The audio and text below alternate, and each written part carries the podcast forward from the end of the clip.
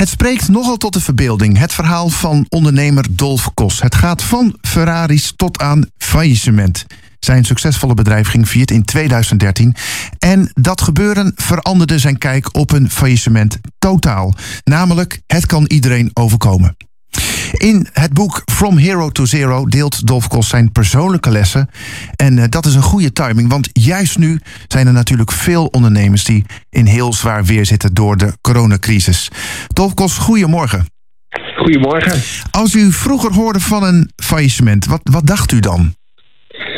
Uh, poeh, nou, meestal denk je dan uh, dat zijn ondernemers die het niet goed geregeld hebben. Uh, vaak denk je ook uh, oplichters, eh, boeven, de, al dat soort uh, terminologie. ja. Ja. best wel stevige taal inderdaad.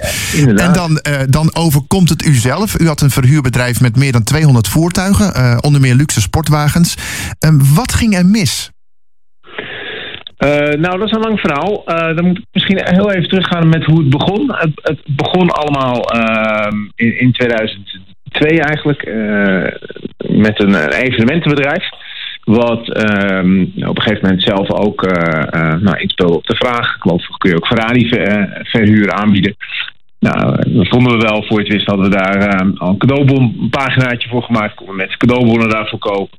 Hm. En nou, vrij snel kwam de eerste Ferrari. Ehm, die overigens zes weken tot los werd gereden. En. daarna kwam een vervangende snel in het jaar een tweede.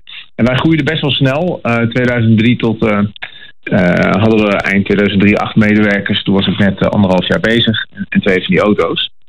Maar we boekten evenementprogramma's in Almere en, en Weert. en we zochten eigenlijk een locatie in de Randstad. Nou, die vonden we in 2004, waar we een eigen slipschool uiteindelijk uit de grond hebben gestampt. Hm. ik groeide toen van 8 man naar 24. Nou, en om een heel lang verhaal kort te maken, 2004 tot 2008 groeide ik jaarlijks 40% Zo. Dat was heel fors. Uh, tot eigenlijk, dat was het uiteraard ook de bedoeling voor 2009. Maar toen kwam de kredietcrisis en die hakte er echt uh, heel fors in. Ja. Uh, en we zijn daar eigenlijk nooit meer teruggekomen op het niveau van, van destijds. Ja. En hoe is dat om, om zeg maar alles waar je voor gewerkt hebt in één keer zo in rook te zien opgaan? Ja, dat is best. Uh, ja, dat, dat, dat voelt spreekwoordelijk een beetje alsof je je kindje verliest. Hmm.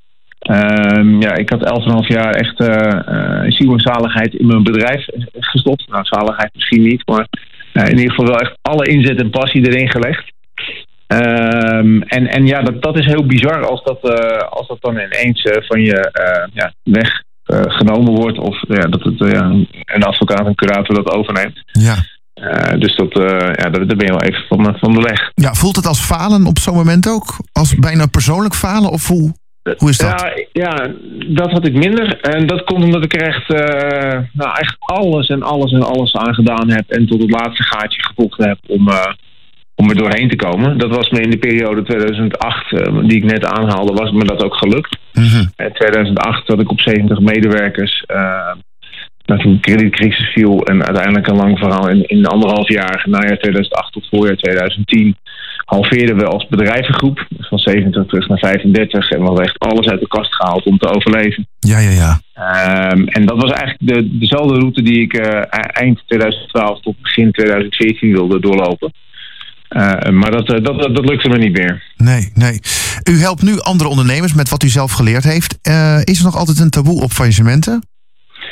Ja, zeker. Uh, het voelt inderdaad als schaamte. Um, nou ja, ik, ik, heb een boek van Hero to Zero genoemd. Uh, de, de wereld of de, de mensen om je heen. Uiteraard niet je, de allerdichtste kring, maar de mensen daaromheen vaak toch al wel snel wel. Ja. ja die zien je wel echt als een, als een nul.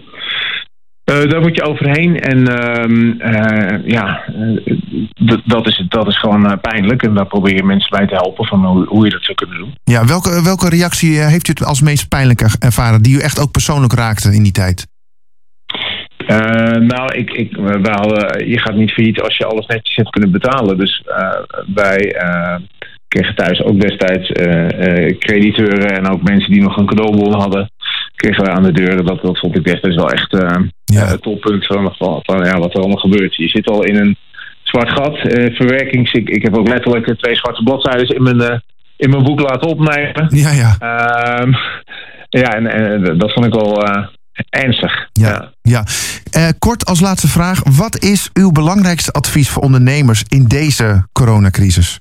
Ja, goede vraag. Ik zou zeggen, als je uh, moet reorganiseren, snij diep. Uh, dus dus zeker in deze tijd. Dus kijk of je misschien nog wel een tandje dieper kan snijden in je organisatie.